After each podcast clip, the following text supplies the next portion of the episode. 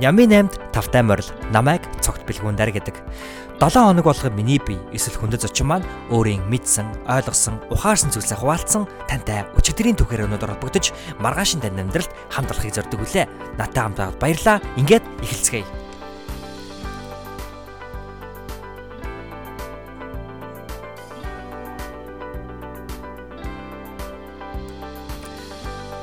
Сайн байцгаана сонсогчдоо та бүхэндээ сар шинийн мэндийг дэвшүүлж байна. Инхүү Яминэн подкастынхаа 22 дахь дугаараар та бүхэнтэйгээ учир нь золгож байгаадаа туйлын их баяртай байна.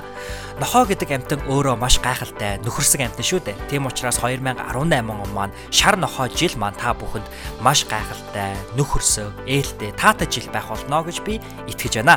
Инхүү шар нохоо жилийнхаа хамгийн анхны дугаарт би Төмөр ат огтой болормаа өгчигээ урьж оролцуулсан байгаа. Болормаа өгчөд хоёр 2014 байна уу 2015 онд надад хэлэх үгэн 5 гэдэг илтгэлийн тэмцээнээр Миссури мужид хамгийн анх танилцж байсан. Түүнээс хойш 3 4 жил өнгөрөхөд би болормоо агчигээ ямар зан чанараар их төсөөлж бодож харж үнэлж хүндэлж явдаг бай гэхээр түүний маш шаргуу хөдөлмөрч бүтээгч зан чанар хийгээд хамгийн гол нь маш эрэг өөдрөг үргэлж инээмсэглэл гэрэл хийгээ өөрөөсөө цацруулж байдаг тэр зан чанараараа залуус дүүнер та маш их үлгэр жишээ болдгоо гэж би боддог.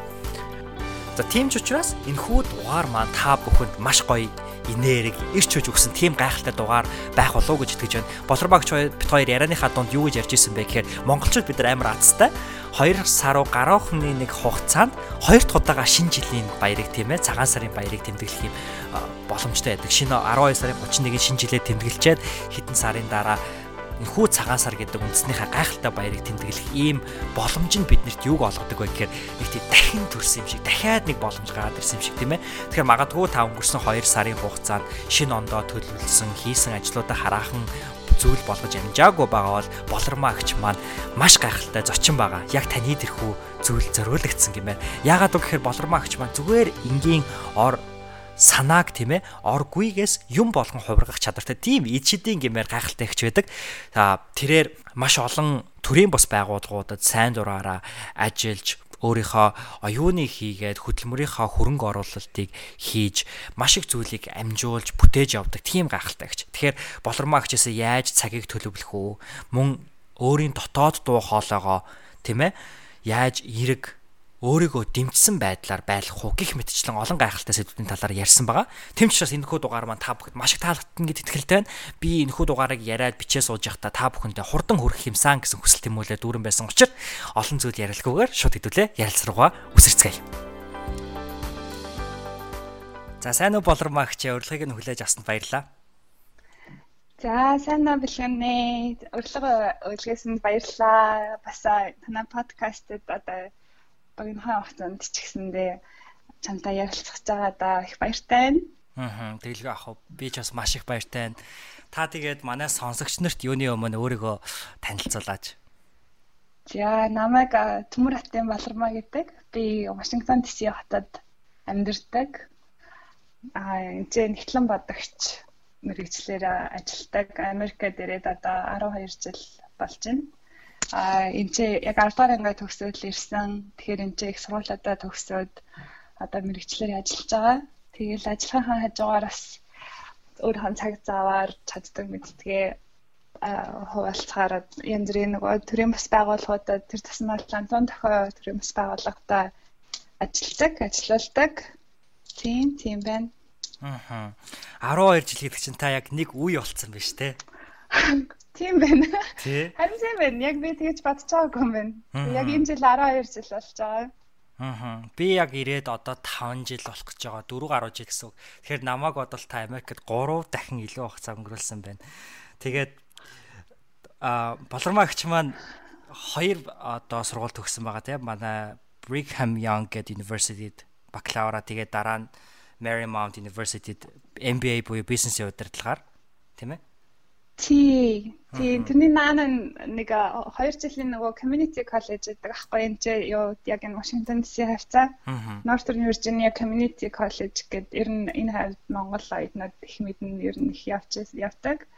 Тэгээ тэрийг 2 жил нөгөө 2 жил төгсөөд тэгээд Brigham Young-ийн сургууль руу яваад 2 жил төгсөөд Тэглэн бодох мэрэгчлэр төгссөн. Тэгээд тэсэгдээ буцаж нүүж ирээд энэ ажиллаж агаад Marymount-д MBA сая 2016 онд авсан. Тийм. Мастер, магистрийн боловсрол эзэмшнэ гэдэг бол бас л их том даваа санагддаг. Тэгээд танд юуны мань бас тэрэн дээр нь баяр хүргэе. Тэгээд нэрээ тоглоомчгүй би ингээд судалж байхад яа бас хэцүү үед байна да гэж боддог байхгүй юу. Би тэгээд танаас хамгийн эхний нэг ийм асуулт асуух гэсэн. Та 12 жил болсон гэдэг бол мэдээж хэрэг маш их хугацаа а миний хувьд тэгж санагдаж байна. Тэгээд та яг одоо ингээ хамгийн анх Америкт ирээд авч исэн тэр мэдрэмжээ яг одоо Америкт байгаа мэдрэмж хоёроо харьцуулбал ер нь түүхийнхаа хувьд тийм ээ ер нь ямар ялгаатай хамгийн анхтай Америкт ирээд яг ямар мэдрэмж авч исэн бэ? Одоо хэр өөр вэ тэр мэдрэмж? Мм за 12 жил гэл хэлэхэр амар их хэрнээ яг ингээд бодонгот амар хурдан өнгөрсөн санагдаад байна. Яг саяхан л ирсэн юм шиг саяхан л нэг жоохон хүүхэдэлтэй. Тухайд яг гэтээ ирж байхдаа л өөрийгөө амар том л хөвт гэж бодож байгаа шүү дээ. Ер нь том хүн болцсон. Бие дааж надаа юу гэдэг одоо ингээд бүхэл гаргасан шийдвэр бүх юм одоо ер нь минийх одоо сайн ч одоо юм хийсэн мууч зүйл хийлээ гэсэн яг зээцт хинч одоо өөрийгөө хариуцлага хүлээхгүй те. Яг бүх юм миний талхан дээр гэдэг утгаараа маш том одоо юу гэдэг хариуцлагатай. Тэгтээ амар баяртай амар excited тэгээ байнгын юм амар баяртай иржсэн. Тэгээд яг хэрчээд нэг 2 3 7 хоног ч юм уу амар гоё лээсэн л яг нэг цэслэн дээр ирсэн. Дээрээс нь Монголоос бас нөгөө 12 3 ирсэн. Бундрын нэг сургуульд. Тэнгүү чинь нөгөө нэг найзуудтайгаа тэгэл хичээл чинь их амар сүртэй гараад ах юм байхгүй. Хичээл эхлээгүү ч ялаа нэг тийм цуслан дээр байгаа хүүхдүүд шиг л нэг амар гоё зугаатай л гэдэг байсан. Нэг эхлээд тэгснээ нөгөө яг хичээл ороод тэгэл нөгөө дөнгөж ирчгэр чинь Монгол хичнээн одоо TOEFL-ын шалгалт өгсөн гэсэндээ яг шууд ингээл Америк хүмүүстэй шууд ярахад аюу хэцүү те а өвгнүүдээ мэдээл дөрмөө ойлгоод байгаа хэрнээс яг нөгөө сонсонгууд яг талхаан дотор орохгүй. Зүгээр хүмүүс ингээл юм яриа л байдаг. Ерөөсөө ингээд ойлгодоггүй тийм айгуус тийм санаа хаагдцсан ингээд битүү юм шиг орчинд байгаа юм шиг санагдал. Тэр нь тэгэл одоо юу гэдэг нэг 2 сараас арай гайгүй нэг 2 сар болсны дараа арай гайгүй болол эхэндээ ч гэсэндээ ингээд би энэ ч анх бүр нөгөө эмч болох хүсэлтэй. Тэгээд премед гэд мэрэгчлэр иржсэн. Тэгээд эхнийхээ семестртэл жоохон тийм амар одоо хайшаа одоо ингээд бодохоор жоохон хэтэрхий одоо тийм амар ambitiousтэй ambitтэй байсан юм уу? Яг ингээл амар химийн хичээл мчээл, биологийн хичээл гэж аавал тэгснэ биологийн хичээл дээр бараг шалгалт болгон дээр нь унаалах гэсэн. Ойлгохгүй амар амар хэцүү байгаа юм чинь. Even нөгөө яг одоо Америк хүүхдүүд нь өөрснөө биологийн хичээл нь бараг эхнийхэн семестртээ авдаггүй тэг явж байгаад нэг 2 3 дахь хичээлээсээ ч юм уу авдаг юм байхад би яагаад ирээл яг сайн мэдхгүй ч юм уу ингээл аваад тэгэл тэгээ ерөнхийдөө нөгөө эхний нэг жоохон гоё юм амар ингээл аз жаргалтай байдаг үгтэй бахан нөгөө эрвэхэн дунд хөөрч явж исэн хэсэг маань өнгөрөөл яг нөгөө бодит амьдралтайгаа нийлэл эхлэнгөт одоо хэцүү үеуд таарна тэг гэрээ санаа наав ээж байгаа санаа тэгэл Монголд байсан үе минь ямар сайхан байсан бэж вэ гэж боддог ч юм уу те. Одоо нэг яг homesick болж эхэлдэг шүү дээ. Тиймэрхүү юмуд болол тэгсэн ч гэсэндээ яг зээц тэнцээ айгуу том зорилготой ирсэн ийм олон хүүхдүүдтэй хамт ирсэн тий найзуудтайгаа байна гэл ингээл а маш олон нөгөө спорт дэмждэг зүйлүүд байдаг байсан болохоор ерөөхдөө тэр үе тэгээд баал гарсан л та бусад хүүхдүүдийн байдлаар а яг одоо бол яха үргэлж л одоо ингээл нөгөө монгол хүн болсон хань хичнээн олон жил болсон ч гэсэндээ үргэлж хичнээн энд байгаа ч гэсэн тийм Монголдо байхгүй байгаа ч гэсэндээ үргэлж л одоо монголоо бодож Монголдоо сайхан юм хийчих юмсан өөрөө одоо бичлэн байхгүй ч гэсэндээ эмчээ хийж байгаа юм маань бас Монголынхаа хөгжилд Монгол залуучуудынхаа одоо сайн сайхан ч гэдэм үү илүү одоо ирээдүй гэрэлтэй ирээдүйд жоохон ч гэсэн бас нэмэр болчих юмсан гэж боддог. Гэхдээ тэр хэмжээгээрээ бас яг яг тэгэж боддог бодож байгаатай адилхан хичнээн одоо Америк юу гэдэг тас одоо юу гэдэг яг тассан 100% одоо их орондоо байгаа юм шиг бол хизээж тасахгүй тий. Тэгтээ бол харьцангуй одоо ер нь орчинд байгаа цагцсан гэж гэх юм уу? Тий. Тэгээ яг чиний асуултанд чинь яг хэр сайн хариулж байгаагаа сайн мэдэхгүй байна л да. Үгүй аа айгүй гоё хариулт нь шүү дээ. Би яг ийм хариултад айгүй гоё дуртай. Айгүй гоё түүх яриа те. Таны одоо яг хүүхдийн цусланд байгаа шиг тэр ирвэхэ донд гэдэг мэдрэмж хасан гэдэг бол надад айгүй гоё санагдаж байна. Би ч гэсэн өөрөө яг тийм мэдрэмжэд авч ийсэн аахгүй те. Юм болгоо айгүй гоё өнгөлөг харагдаал. Нэг гоё ноон ногоо, байшингууд нь цэв цэвэрхэн. Тийм. Эхлээл ингээл ирчээл бүр амар ингээд нөгөө Монголд ч яг нөгөө шалгалтанд бэлдээл, TOEFL шалгалтанд бэлдээл тэгээд сургуулиуд 10 дугаар ингээд төгсчихвэл за одоо их сургуульд орно. Америкт аягүй мундаг сургууль яал. Тэгээд яг эмч болоод их орондоо ирнэ. Амар тэгэл бодчихсон нөгөө амар хүсэл тэмүүлэл дүүрээ. Тэгээ яг ирчээд нөгөө шүн ингээд жижигхэн онгоцны бодлоор буучаад сургуулийнхаа нөгөө одоо яг амьдрах газар руугаа бүүнөрөө явж хахад ингээл юм болгоо амар гойс надад идэгс бүр ингээд бензин колонк молонк хүртэл хаа харин тий. тэрхэн юм шиг амар санаа амар санаа үзсэн тий. тий. Миний бас яг хамгийн анх Америкт ирчээд яг орж үзчихсэн барилга гэдэг юм уу? Яг Миннесота тэр чи орж ирчихсэн барилга нь бензин колонк байсан аахгүй юу? Тэгээ айгүй гой санагдчихсэн шүү дээ. Яг үнэ яг тийм амар санаа нь тийм. Гэтэ яг Монголын одоо муу фаж гэж байгаа юм уу? Тийч байгаа юм дээ. Зүгээр л амар өөр л нэг юм. Тий, өөрмөц сонирхолтой. Тий. Та тэгээд одоо ингээд бод таны одоо авдаг мэдрэмж юу вэ гэх юм бол хүмүүсийн эрхийн төлөө ялангуяа хүүхдүүдийн эрхийн төлөө лантуун дохоо төрийн бус байгууллагаар дамжуулж Америк тасалбараар нь маш их зүйлүүдийн ард та одоо нугалдаг шүү дээ тийм ээ Тэгээд хамгийн сүүлд Диси хотноо та бүхэн ичидтэй хүүхдүүдгээ тоглолт хийсэн байсан хандийн тоглолт. Би тэгээд та яг ер нь лантуун дохоо энэ байгууллагыг мэдээж хэрэг монголчууд маш сайн мэдж байгаа гэж бодож байна. Ягаад тэгэхээр Монголд бол маш том үндэсний хэмжээний хөдөлгөөнүүдийг бол өрнүүлж чадсан та бүхэн. Тэгээд Гэтэ ер нь бол товч бөгөө тодорхойж ярьдаг юм уу? Одоо энэ лантуун тохоо гэж юу яг юу вэ? Тэгээд ялангуяа энэ шидтэй хөхтөд тоглолт гэж юу байсан бэ? Гэтэ миний хамгийн чухал асуулт нь юу гэх юм бол энэ тоглолтын хамгийн өрмөц зүйл нь хүүхдүүд хүүхдүүдийнхаа төлөө юм хийсэн дэсэн те. Хүүхдүүд ингээ өөрсдөө тоглолт хийгээд хандив яасан. Тэгэхээр хүүхдүүд хүүхдүүдийнхаа төлөө сайн сайханд ингэж төлөөцдөж байгаа. Түүнээс тань авсан тэр мэдрэмж тийм ээ яг өдрөө тутамд авсан мэдрэмж тань ямар байсан бэ? Аа Ер нь бол яг чиний саний хэлсэн тэр тоглолтын талаар бол маш өвөрмөц зүйл нь яг хүүхдүүд байсан. А гэхдээ бүр эхнээс нь одоо зарим хүмүүс ландон тохиог сонссон ернээс яг юу гэдгийг мэддэг хүмүүс байдаг байж магадгүй тийм.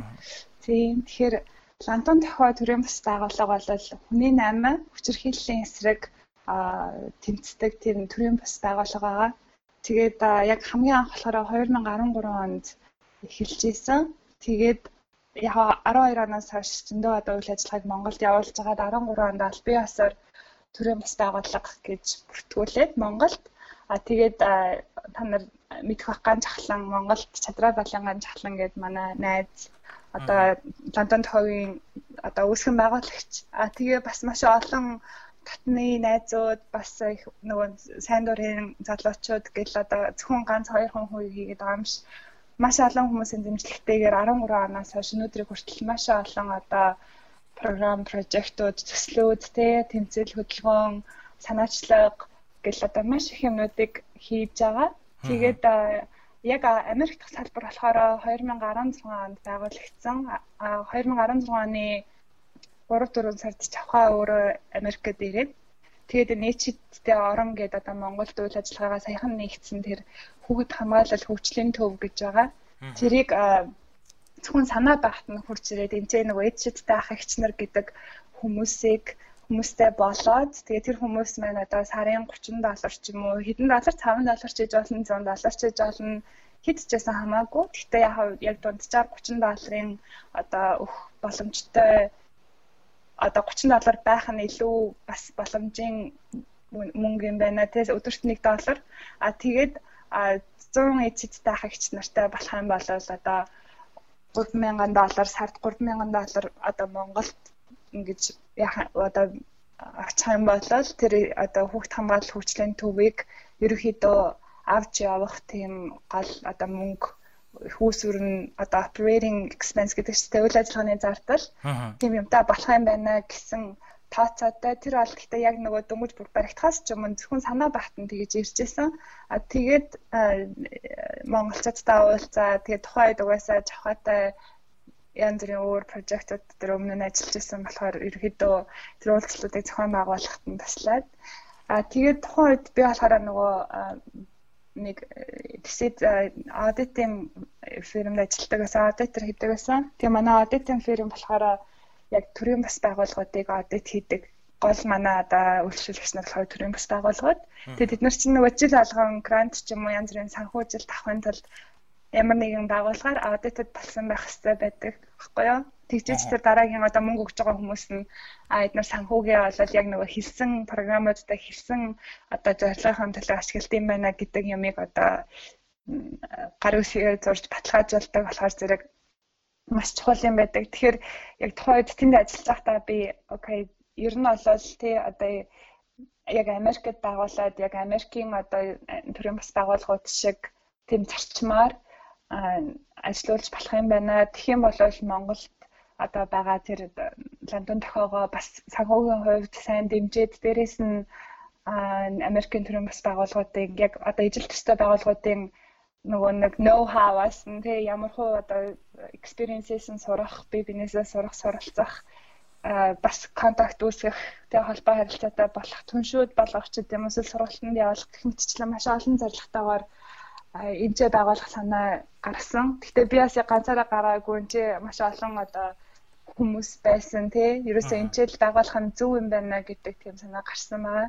Тэгээ яг өнөөдрийн байдлаар манай лантон тохио байгуулахт аа бидний үйл ажиллагааг бүр бидний бүр одоо яг гол толгуур хүч болж явдаг дэлгэр цагт манлж авгээд дэлгэр цагт ах маань өдөртөж авч явдаг. Аа тэгээд хишгээ хишиг баяр төмөр атар гэдэг хишгээ мань болохоор технологийн талыг хариуцдаг. Манай Нью-Йоркт амьдардаг IBM-д ажилладаг Азаа болохоор бүх одоо нөгөө public affairs-тэй одоо гадаад янз бүрийн хүмүүстэй холбогдох, ивентүүд лөө явах, лантууд танилцуулах ч гэдэг юм уу. Тэр юмнуудыг зохицуулж явдаг. А 8 сүрэн байна. 8 маань болохоор програмыг хариуцдаг, грант юмнуудыг хааж олж одоо өгтөө хүмүүстэй холбогддог Аа манай инх очир байна. Инхээ болохоор манай нарийн бичиг бүхэл одоо бичиг цаастай холбоотой бүх юмнуудыг хариуцж явдаг. Анхаа байна. Анхаа хоёр анхаа маань болохоор бүх одоо creative, design, brochure програм хөтөлбөр одоо юу гэдэг тэр бүх юмыг хийхэд маш одоо их тусалдаг хийдэг. А тэгэл манай оюутар гээд волонтер бас грант хайдаг, Батмуух гээд волонтер гэл маш олон бүр хүмүүс байдаг. Ажилладаг, тусалдаг, тийм тэгж явдаг. Тэгээд яг өнөөдрийн байдлаар яг 16 онд анх байгуулагдсанаас хойш Америкт non profit статус авна буюу одоо 501c3 гэдэг статус юу авах юм бол такс таксны татврын хувьд хөнгөлөлттэй болох тийм эрхтэй болдог. Тий тэр одоо байгууллагуудад мөнгө өгж байгаа хүмүүс юм уу? Байгууллагууд нь татвараасаа юу асуулах тийм эрэхтэй болдог. Тэгээд тэр эрхээ 16 оны сүүлд аваад тэгээд маш олон монголчуудынхаа одоо ачаар, сайхан сэтгэлээр бас монгол биш одоо Америк хүмүүстэй хүүхдийн төлөө гэсэн сэтгэлтэй хүмүүсийн ачаар маш олон компаниудын таслан зэмлэгтэйгэл бид нар өнгөрсөн жилийн 17 оны 1 сард Баян хошуунд одоо Улаанбаатарын хамгийн одоо ядуурл төвлөрсөн газарт хамгийн их одоо хутаатай бүр хутаатай Улаанбаатар даяараа л хутаатай байгаа л да. Тэгтээ хамгийн одоо их бүр одоо индекс нь хамгийн муу тийм хутаатай газар юу ECD орныхон газрыг өнгөрсөн жилийн 1 сард авсан. Аа тэгээд газар гисээ тэ хавраас эхэлж барьж эхлээд сая 9 сарын 15-нд албан ёсоор нээлттэй хийсэн. Тэгээд одоо албан ёсоор аа нөгөө хүүхэд хөгжлийн төв буюу одоо цэцэрлэг маягаар ажиллаж байгаа. А бас хүүхэд хамгааллын төв маань одоо бас яг үйл ажиллагааны эхэлж гисэн ажиллаж байгаа. Тийм тэгэхээр яг энэ бол одоо ингээл нэг юу гэдэг хэдхэн хүн хийгээд байгаа юм биш ерөөсөө л бүр нийт монголчууд нийт одоо маш олон хүмүүсийн л тасламж дэмжлэгтэйгээр л бүтэж байгаа тэр Монголынхаа хүүхдүүдийн ирээдүйн сайн сайхны төлөө тэ сайхан эрүүл орчин а сайхан хүүхэд насыг нь яг хүүхэд насаар нь үлдээх тийм зорилготой явж байгаа тийм байгаа. Аа. Тэ. Sorry би бүр амар нарийн л ярьчих шиг боллоо. Та бахан санжирсан уу яасан. Үгүй зүг зүгээр. Айгуу гоё юм. Би бүр бас яриад нь орцсон л байна. Гайхамшигтай. Аа. Аа тэгээд нөгөө юу ичэдтэй хүүхдүүдийн тухай ярих гэсэн шүү дээ. Тоглолтын тухай. Тэгээд тэгсэн чинь харин энэ ч бас яг тэсий хаасаа ингээд айгүй хөөрхөн хүүхдүүд байна. Тэр хүүхдүүд болохоор энэ янз бүрийн сургалтууд байдаг ахгүй урлагийн одоо төгөлдөр хуур, морин хуур, дуулаач, бүжиг тэгээ уран нуграачийн дуулангууд хичээлдэг дандаа монгол багш нартай. Тэгээ тус тусдаа сургуулиуд байдаг. Аа тэгээд тэнд сурдаг монгол хүүхдүүд маань нөгөө лантон тохиогийн тухайс мэдээд тэгээд бид нар ч гэсэндээ одоо Монгол хүүхдүүдтэй хичнээн өөрснөө ч одоо зарим нь энд төрж өссөн дээ зарим нь энэ ч баг багтаа ирсэн ч юм уу хүүхдүүд байгаа шүү дээ тэд нар ингээ хоорондоо ярьж байгаад бид нараас чадах бүх одоо юмаа хиймээр байна. Чадах юмаа хийгээд Монголд байгаа найзуудтай, Монголд байгаа дүүнертэй тусламаар байна гэсэн санаачлаг гараад тэгээд ландын тохоо тий тэгээд а нөгөө сургуулийн багш нартай нийлээд тэгээд эцэг эхчүүдтэй хамтдаа хүүхдүүдтэй эцэг эхчүүдтэй хамтдаа тэр тоглолтыг хийсэн байгаа сая 1 сарын 29-нд тэгээд айгүй гоё болж өнгөрсөн. Үнэхээр одоо нөгөө сайхан юмны төлөө, сайн хүүхдийн сайн сайхны төлөө юм хийж байгаа гэдэг чи одоо ер нь бол бүр дандаа л тий одоо өөдрөг гэрэлтэй сайхан тэгэл хүмүүс маш олон хүмүүс тэмцсэн, маш олон гадаад хүмүүс бас ирсэн, лантууга одоо сурталчлах боломж олцсон. Га дээрэс нь нөгөө хөөрхөн хүүхдүүд маань бас яг тайзан дээр гараад хамтдаа ингээд тоглоод тий одоо ингээд ганцаараа ингээд морин хуур тоглох чинь нэг өөр төгөлдөр хууртай, морин хууртай эсвэл шанз яачин морин хуур их хуурууд нийлж тоглоод ингээд нөгөө цөөхөл хөгжмийн одоо бүлэг болж тоглоно гэдэг чинь бүр шал өөр туршлага байхгүй юу. Тэн тэгээ тоглож явах дээрээс нь одоо Монгол бүжигчт нь бүжигчд хүүхдүүд гарч ирж урд нь бүжигэлдэг. Тэгээ хаана нөгөө Монгол хүүхд хүүхдэд маань хөгжмөө тоглож байгаа шүү дээ. Эсвэл бол урд нь хөөрхөн Монгол хүүхдэд гарч ирснээр одоо цагаан сарын шинэ нэгэн гэдэг додолдог ч юм уу те айгүй хөөрхөн айгүй зам гоё тоглолт болсон. Монголчууд маань ч гэсэн хийрж үзсэн айгүй гоё болсон. Ямар гоё юм бэ? Би таны ярьж байгааг сонсож явах үедээ бүр ингээд шар ус босч штэ. Тоглоомчгүй айгүй гоё сэтгэл хөөрөөд нэг тийм сайхан гэгээлэг таны мэдэрч байгааг би баг мэдэрч инж гэмээр юм шиг. Тий, танд маш их баярлалаа. Танд болон Лантун дохоо төрийн бас байгууллага Америк дахь салбар энэ гайхалтай хамт олон та бүхэн бүгдөөрэнд нь монголчуудынхаа өмнөөс бас дахин дахин баяр хүргэе. Баярлалаа. Би тэгээ таны яриаг сонсож байхад юуг бодогдож исэн бэ гэхээр та хэллээ шүү дээ. Энэ бүх зүйл анхандаа зүгээр л санаа байсан гэх тээ. Болормоо агчийг би ч гэсэн ер нь бүтээгч хүн гэж хардаг. Болормоо агч бол өөрөө мэрэгчлэрээ ажиллахаас гадна бол надад айгүй тийм entrepreneur хүн гэж бодогддог тий. Одоо entrepreneur гэдэг нь болохоор монголчууд одоо бизнес хийдэг хүн гэж ойлгоод ойлгодог бах ерөнхий ойлголт нь. А грек юунд болохоор цагаанд одоо юу гэдэг юу гэвэл грек хэлээр болохоор entrepreneur гэдэг нь болохоор юм юмгүйгээс юм бүтээхийг entrepreneur гэдэг юм байна л та. Тэгээ entrepreneur гэдэг нь болохоор юмгүйгээс юм бүтээдэг хүнийг entrepreneur гэдэг. Тэгээд таны одоо ингээ ярьсан энэ санаа та ч гэсэн өөрөө олон одоо бизнесүүдтэй бас ажиллаж үзсэн туршлагатай.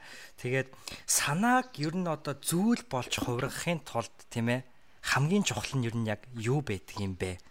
Ер нь юмнаас юмгүйгээс юм бүтээхийн хамгийн чухал зүйл нь юу байдаг гэж та бодож чинь таны туршлага бас таны эргэн тойронд байгаа хүмүүсээс харж байхад аа за наатах нэлээд амар энгийн юм шиг ирнэ бас нэлийн гүн асуулт байна тий. Яг яг миний зүгээр туршлагаар гэх юм бол би бас яг өөрийгөө шууд entrepreneur хүн гэж хэлж чадахгүй. Яг би өөрөө өөрийгөө л дүгнэж байгаа шүү дээ. Би болохоор яг тийм нөгөө vision гэх юм уу нөгөө зорилгоо харчих юм бол тэрнийхэн төлөө ууггүй зүтгэж чаддаг хүн гэж л би өөрийгөө бодоод байгаа байхгүй юу. Яг дунд нь мэдээж янз бүрийн дэшээ доошоо тий саад бэрхшээл талаар нь тэгэл янз бүрийн юмнууд болно шүү дээ. А яг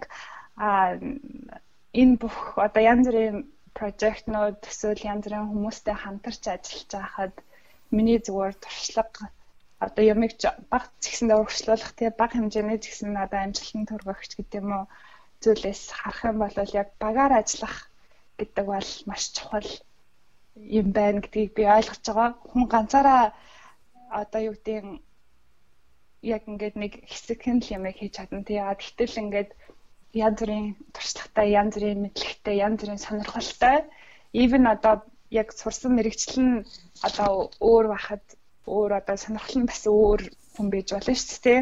Тэр тэр хүмүүсийг ингээд цуглуулад баг болоод а тэгээд яг нэг зорилгын төлөө одоо тэр зорилгын төлөө одоо тэр хүмүүсийг inspire болоод тэг одоо өдөөгөөд а тэгээд тэрнийхэн төлөө ингээд яагаад энийг хийх ёстой вэ гэсэн тэр одоо бодлыг нь байн одоо юу гэдэг юм одоо байнгын цаашаа зүгээр яг байнга одоо тэр нэг талгаанд нь тэр нэг drive тэр нэг урагшлуулах хүч би болгоод тэгэл багаараа л ингээл зүтгэхэд ерөөсөө тэрэн шиг одоо юу гэдэг үнтэй чухал тэрнээс илүү одоо баг илүү чухал юм байхгүй юм шиг л надад санагдчихээн. Яг одоогийн байдлаас ингээл харахад урднах туршлагаатаасаа.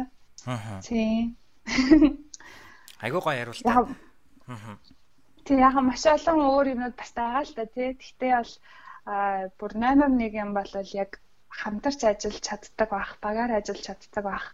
Багаар ажиллах нь зүгээр л чи энийг хийж тэрийг хий би энийг хийн. За тэгээд баяртай гэх юм биш шүү дээ. Яг ингээд менежмент тэгэл communication-тэй холбоо харилцаа аа бас хүмүүсийг аягүй ойлгодог байх хэрэгтэй ч юм уу. Би өөрөө ч гэсэн амар суралцж байгаа л да зарим юм дээр би өөрөө аягүй учир дутагдaltaй тэрийг мэддэг. Тэгэл тэрийг засахын төлөө бас ингээл явж байгаа. Бас би өөрийнхөө мдээгүй ч гэсэндээ өчнөө алдаа дутагдал юмнууд ч гэсэн байгаа. Тэгтэл хамгийн гол нь гоё би бинийгаа хүндлээд тий. Тэгээд а яг ямар зорилгын төлөө юу юуг юуг бий болохын төлөө ямар үр дүнд хүрэхин төлөө явж байгаа вэ гэдгийг аль байнга санаж явхад л а ер нь амжилтанд хүрэх юм шиг санагддаг шүү дээ надаа. Аа. Та маш гоё зүйл сая хэлсэн дундаас нь би ингээд тастаа тавцсан юу байсан бэ гэхээр таны ганцаар хүн хэсэгхэн юм хийж чадна гэдэг үг надад маш гоё санагдлаа. Тэгээд яагаад гэдгийг нь бас бусдад байнга сануулах те эргэн тойрондоо нөлөөлнө гэдэг ялангуяа энэ хоёр зүйл надад маш одоо туслаа гэдэг штэ тий. Тэгэж туслаа.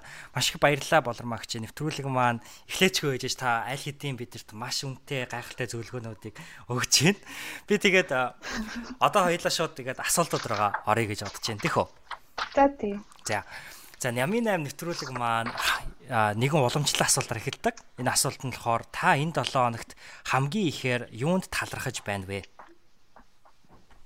Тийм тэгээд яг ингээд бодохоор айгүй их талархах юм байна л да. Тэгээд да бүр хамгийн ихээр гэх юм бол одоо ялангуяа сая энэ 7 хоног айгүй их тэмдэглэлт өдрүүдээр дүүрэн боллоо. Валентин боллоо, цагаан сар болж гин. Тэгээ дээрэс нь гişгээд хоёр хоёрын бат нөгөө гэрэлтэй батлаасны 5 жилийн болж байгаа. Тэгээд айгүй их тэмдэглэлт өдрөөд айгүй сайхан одоо 7 хоног байна. Баяр үргээ 5 жил яваад мдээгүй шүү дээ. Тийм тэгээд тэгэхээр юу гэдэг хамгийн хамгийн хамгийн ихээр талархаж байгаа зүйл ч юм уу хүн гэх юм бол миний гэр бүл, миний хайртай аав ээж, тэг ах эгч нар, дүүнер маань тэгээд а бас миний хайртай нөхөр, хишгээ байна. Яагаад тэгэхээр тэд нар маань байхгүйсэн бол би өнөөдөр яг өнөөдрийн балраа биш байсан. Өнөөдөр ямар ч хүн байж байсан гэж маг тэг мэдэхгүй байхгүй юу. Тэгэхээр үргэлж ингээл сайн ч байсан, муу ч байсан, үргэлж намайг дэмждэг, тусалдаг. Тэгэл байнга л намайг ингээл э, нөгөө миний бүр хизээч нөгөө одоо нүрэ буруулахгүй хөгжөн дэмжигч нар гэж яддаг шээ. Тийм л тийм тийм хүмүүс юм том спорт групп байгаа гэж гэдэг бодол нь болохоор намайг одоо өглөө сэрэх сэрэхэд гоё нэмсгэлтэй сэрэхтэй өмнө өдрийг хичнээн одоо стресстэй өдрөөсөн ч гэсэндээ эргээд бодоход миний хайртай гэр бүлийнхэн аав ээж нар ах эгч нар маань нөгөө найзууд маань байгаа шүү гэдэг бодол маань шууд ямар ч муухай юм байсан гэсэндээ даваад гарах тийм эрч хүчээг өгдөг. Тийм болохоор би тийм гэр бүлийнхэнтэй хайртай нөхөртөө бас их талархчихна гэдгийг хэлмээр байна. Ямар гоё юм бэ. Айгу амьдралынх нь онцгой үед бас ингэж нэвтрүүлэг маань таасанд би өөрөө бас маш их баярлж байна. Баяр үргээ. За баярлаа. Амар гоё юм харин тий. Харин тий. Энэ ланаг бол айгүй их юм давхцж байгаа. Тэгээ айгүй гоё гоё юмнууд бүгдээрээ тий давхцж байгаа айгүй гоё ланаг байна. Аа тэгэлгүй яах вэ? Би энэ дээр та одоо нэг зүйл нэмж асуумаар байна. Валентин болж байгаа 5 жилийн ой тань болж байна. Бас цагаан сар болж байгаа тий. Одоо ингээд эдгээр ер нь эдгээр олон баяруудыг та маш олон жил хүний нутагт одоо эх орондоо биш ингээд тэмдэглээд ирсэн байна. Тэ? Тэгэхээр эндээс ер нь авдаг мэдрэмж тань ер нь ямар байдаг вэ? Ер нь надад бол ингээд цагаансар жишээ нь Монголдоо биш Америк тэмдэглэх ингээд жоохон гонигтай юм шиг санагддаг шүү дээ. Танд ер нь яг энэ тэгэхээр баяр өдрүүдийг ер нь гадаадтайгаа хүмүүс ялангуяа ямар өнцгөөс харахад зүгээр санагддаг вэ? Аа тэр миний яг хувь хүнийх бол одоо ингээд жил дахиад гэртээ байж чадсангүй гэдэг бодол юм уу тэгээ гимшингүү тэгэл аавчтэйгээ байсан бол гоё хайсан. Тэг яг одоо урд нь бага байхтай байдаг гэсэн шиг бүх хамаатан садны ханараа өглөөнөөс орой уртл гисээл тэг амар гоё. Баха ууц дөрөн бэлэг цуглуулаад.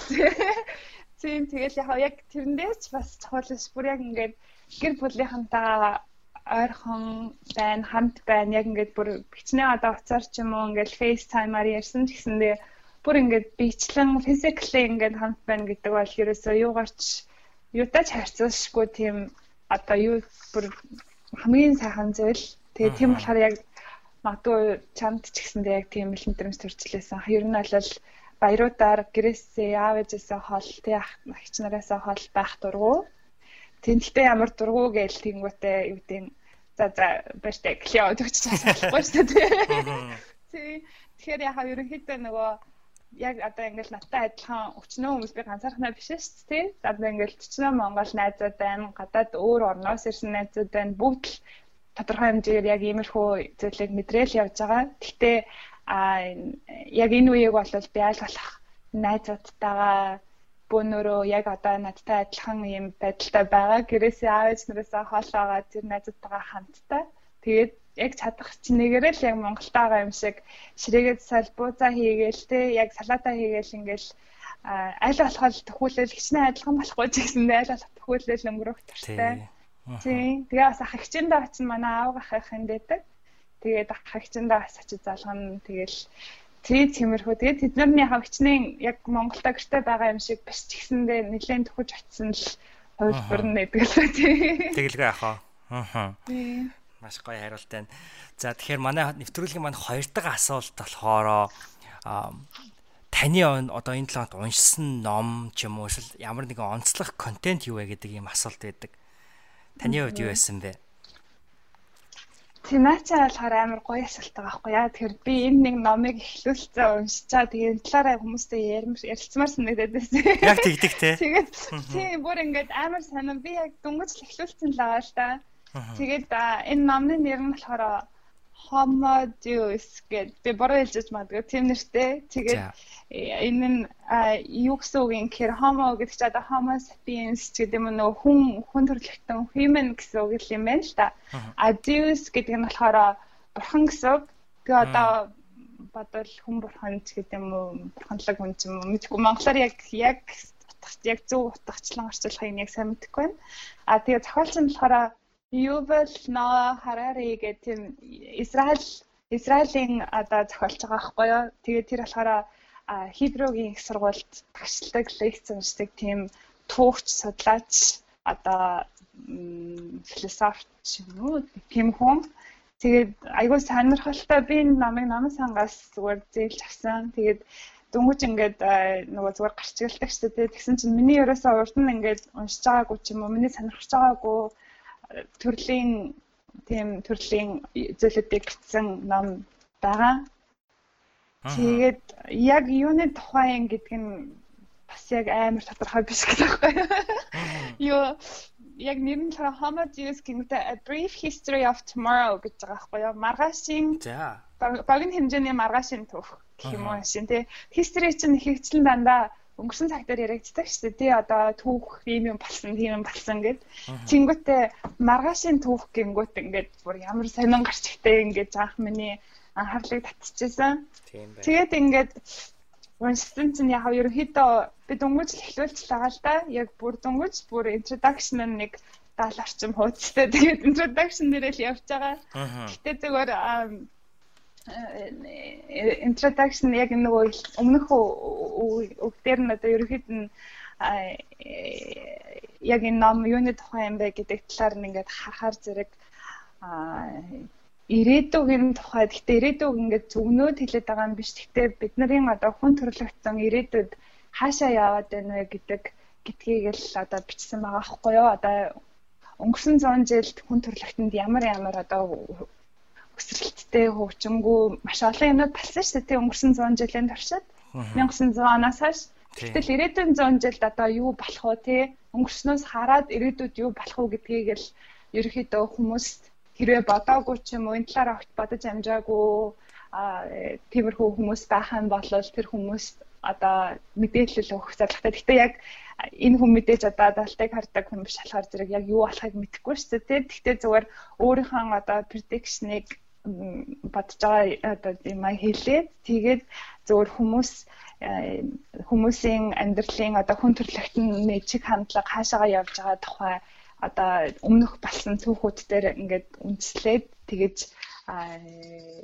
хүмүүст санаа өгч байгаа гэх юм уу. Тийм. Гэтэ энэ ингээд тайлбарлахадаас айгүй жоохон ярвихтай. Тийм. Тийм нэг тийм сонирхолтой айгүй сонин ном байна. Айгүй гоё юм шиг юм тийм. Аа. Надад айгүй сонирхолтой санагдсан зүйл нь та ингэж хэллээ шүү дээ. Өмнө нь ерөөсө сонирхож байгаагүй сэдвийн номоо сонгож аваад уншсан гэж штэ тий. Миний хувьд болохоор тэгдэг байхгүй юу. Илүү нэг ингээд нэм сонирхоод ирэхээр яг тий салбартаа л ингээ уншаад сүултээ бүр ингээд өөр зүйл сонирхолгүй болчдаг. Тэгээд хахаар хүн нөгөө нэг тийм хөөсөн цэр гэдэг чинь хөөсөн дотор орчт юм шиг л байгаа юм л да ингээд тэрнээс гадна ингээд сэтгэх сэтгэх нь ингээд багцдаг шиг юм уу хязгаарлагдмал болчдаг. Тий, таны хувьд болохоор ингээд сонирхож байгаагүй сэдвийнхаа номыг аваад уншсан гэж. Тэр нь надад айгүй сонирхолтой санагдлаа. Та ер нь байнга тэгдэг үү эсвэл яг энэ таны хувьд айгүй онцгой бас 7 хоног байв уу? Яг эннийхээ хувьд ном сонгож авсныхаа хувьд. Гэхдээ би амар санаа би яг өөрийгөө яг ингээд чиний хэлсэн шиг юм хөөс шиг гэж бодож байгаа байхгүй заримдаа яа нэг юм нэг юмд ингээд нэг хэсэг сонирхолтой байснаа би өөр юм руу явцдаг. Яг чиний эсрэг хэрнээсээ чамайг тайлбарлалаа өгч нь болохоор яг би юм шиг одоо нэг сонин тийм төлбөргүй яхаа төлбөртэй гэхдээ ингээд би бол өөрийгөө заримдаа төлбөргүй гэж хэлдэг юм аа. Нэг юм сайнаа ингээд яг ингээд serious юмнууд ал хийж байгаа хгүй тэг хичээл ном ажил төрөлч гэдэг юм уу те одоо ландан тохиомгоо гэж өөрөө та. А яг нөгөө өчлөө цагаараа хийх сонирхох юмнууд маань ингээд нэг хэсэг ингээд миний сонирхлыг бүр ингээд амар татаал ингээл зөвхөн тэрийг л ингээл хийхгүй л ерөөсөө болохгүй юм шиг санагдаад байдаг хэрнээ. Заримдаа тэр нь ингээл нэг сар ч юм уу талаа нэг басна шууд өөр юм гоё юм шиг санагдаад. Тэгээ одоо ингээд миний бас нэг муу тал нь ингээд би номын сайн муу номын дэлгүүрүүд амар дуртай. Тэгээ ингээд оронгуудаа завтай ч юм уу үедээ эсвэл нэг гоё ямармаар байгаа үедээ оронгуудаа ингээд номнууд гарчглаа л яваад байгаа гоё айгуу ядаргаатай. Тэгээд явж явж байгаа л ингээд хідэн намнууд авдаг ч юм ингээд бичэк аваад тэгээд зээлэл авдаг шүү дээ. Тэгэхээр ингээд айгүй сонио өөр өөр төрлийн номнууд жишээ нь сая би сүүл намын сан арангуудаа ерөөсөө баг хинх нь уншихгүй гэдгээ би мэдчихэж байгаа байхгүй юу. Тэгээд нэг амар угаасаа хурданч нам уншдаггүй угаасаа би. Тэгэхэд ингээд сая сүүл намын сан арахтаа ингээд дөрвөн нам чек аваад тэгж авсан. Тэгээд нэг нь болохоор ингээд Poems of the Hundred Names гэдэг шүлгийн ном. Тэгээ би шүлэг нэг уншдаггүй. Гэхдээ зүгээр ингээд гарч гэлсэн чинь амар гоё санагдаад. Аа тэгээд дараагийнх нь болохоор The Book Perplex гэдэг нөгөө нэг Winnie Pooh-ийн тухай ном баггүй юу? Winnie Pooh. Тэгээд дараа нөгөө ном нь болохоор энэ саяны энэ Homo Deus гэдэг энэ ном юм ном фикшн ерөөсөө зохиолын биш ном. Аа. Аа тэгээ бас нэг ном авсан нь болохоор Patriotism гэдэг одоо их оронч гэдэг нэг Япон залуухан гэр бүл яг 2 дугаар дайны үеийн гэр бүл яг нөгөө японочдод чинь айгүй үндэсрэг үзэлтэй. Тэгэл хэрвээ ямар нэгэн байдлаар ялагдахаараа нөгөө юу хийн гэдэг лээ? Нөгөө гэцээгүүлэл яддаг шүү дээ нөгөө амиа хавдаг тэрний талаар бичсэн. Ном тэр намыг уншаад дуусах тэр амар гонхон ном байсан л та. Тэгээд одоо болохоор энэ номоо уншиж байгаа. Тэгээд яг ерөнхийдөө би өөрийгөө харахаар ингээд бүр ингээд мэрэгчлээсээ л биш болол бүр тийм амар deep юм хүн гүнзгий амар тийм лаг мэдлэг байхгүй.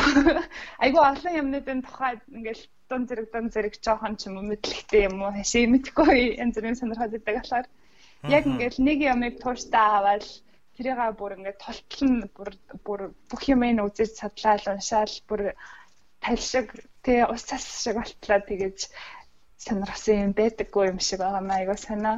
Гэтэ би танд яг энэ зан чанар дээр чинь одоо магтах гэх юм бол айгу жишээн дээр тулж магтах юм бол одоо та жишээ ингээ Японы нөгөө камикасег амиа хорлох тий. Тэгснээ одоо энэ шүлгийн ном.